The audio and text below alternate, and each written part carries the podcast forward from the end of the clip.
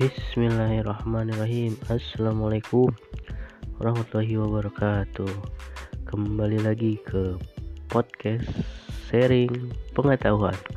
Kali ini podcast sharing pengetahuan ingin sharing-sharing nih mengenai arisan. Apalagi arisan marak sekarang itu karena covid Arisan juga berubah alih jadi di awalnya pertemuan, saling bertemu satu sama lain, sekarang berubah menjadi online dengan aplikasi tertentu. Bagaimana hukumnya? Mari kita bahas dulu dasar hukum arisan. Apa isi hukum arisan itu dalam Islam? Sebelumnya KBBI arisan adalah kegiatan mengumpulkan uang atau barang yang menilai sama atau beberapa orang kemudian diundi di antara mereka untuk menentukan siapa memperolehnya. Kemudian dilaksanakan dalam sebuah pertemuan secara berkala sampai semua anggota memperolehnya. Hakikatnya secara sederhana, arisan adalah bagian dari pinjam meminjam.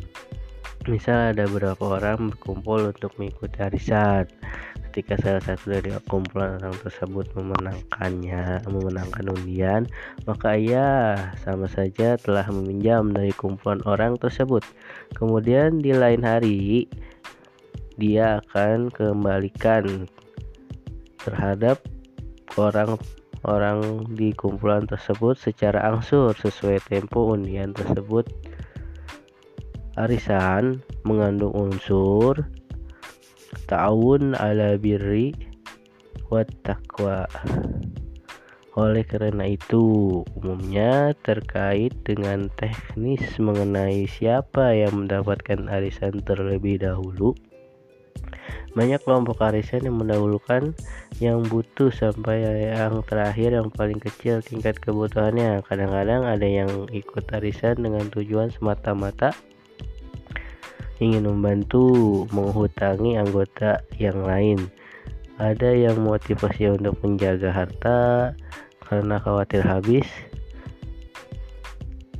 Simpan pinjam di antara pihak yang mendapatkan bagian dan sisa anggota lainnya sebagian kreditur itu diperbolehkan untuk menjaga arisan adalah sebagai adalah sebagai ta'awun tolong menolong dan adab meminjam. Jika arisan bukan uang misalnya paket umroh harus ada kejelasan nantinya tentang harga perjalanan umroh tersebut.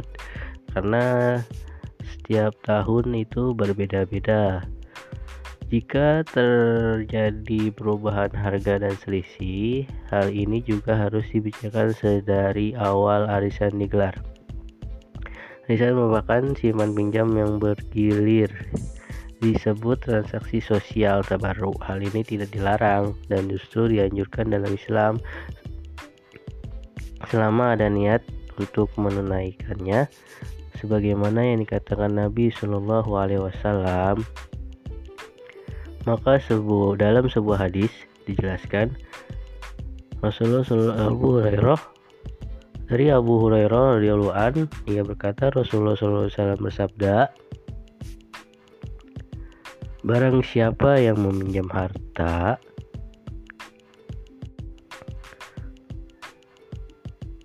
Barang siapa yang meminjam harta orang dengan niat ingin ditunaikan atau dibayar, niscaya Allah akan menolongnya untuk dapat menunaikannya. Sebaliknya, Barang siapa yang mengambil harta orang lain untuk memusnahkannya atau merusak, maka Allah akan memusnahkannya. Arisan jadi ada tidak ada transaksi yang sifatnya terlalang.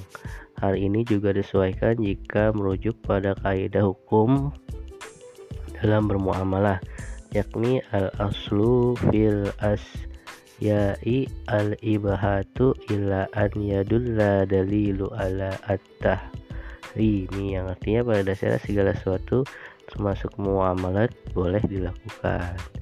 Sekian untuk harisan kali ini. Kembali. Wassalamualaikum warahmatullahi wabarakatuh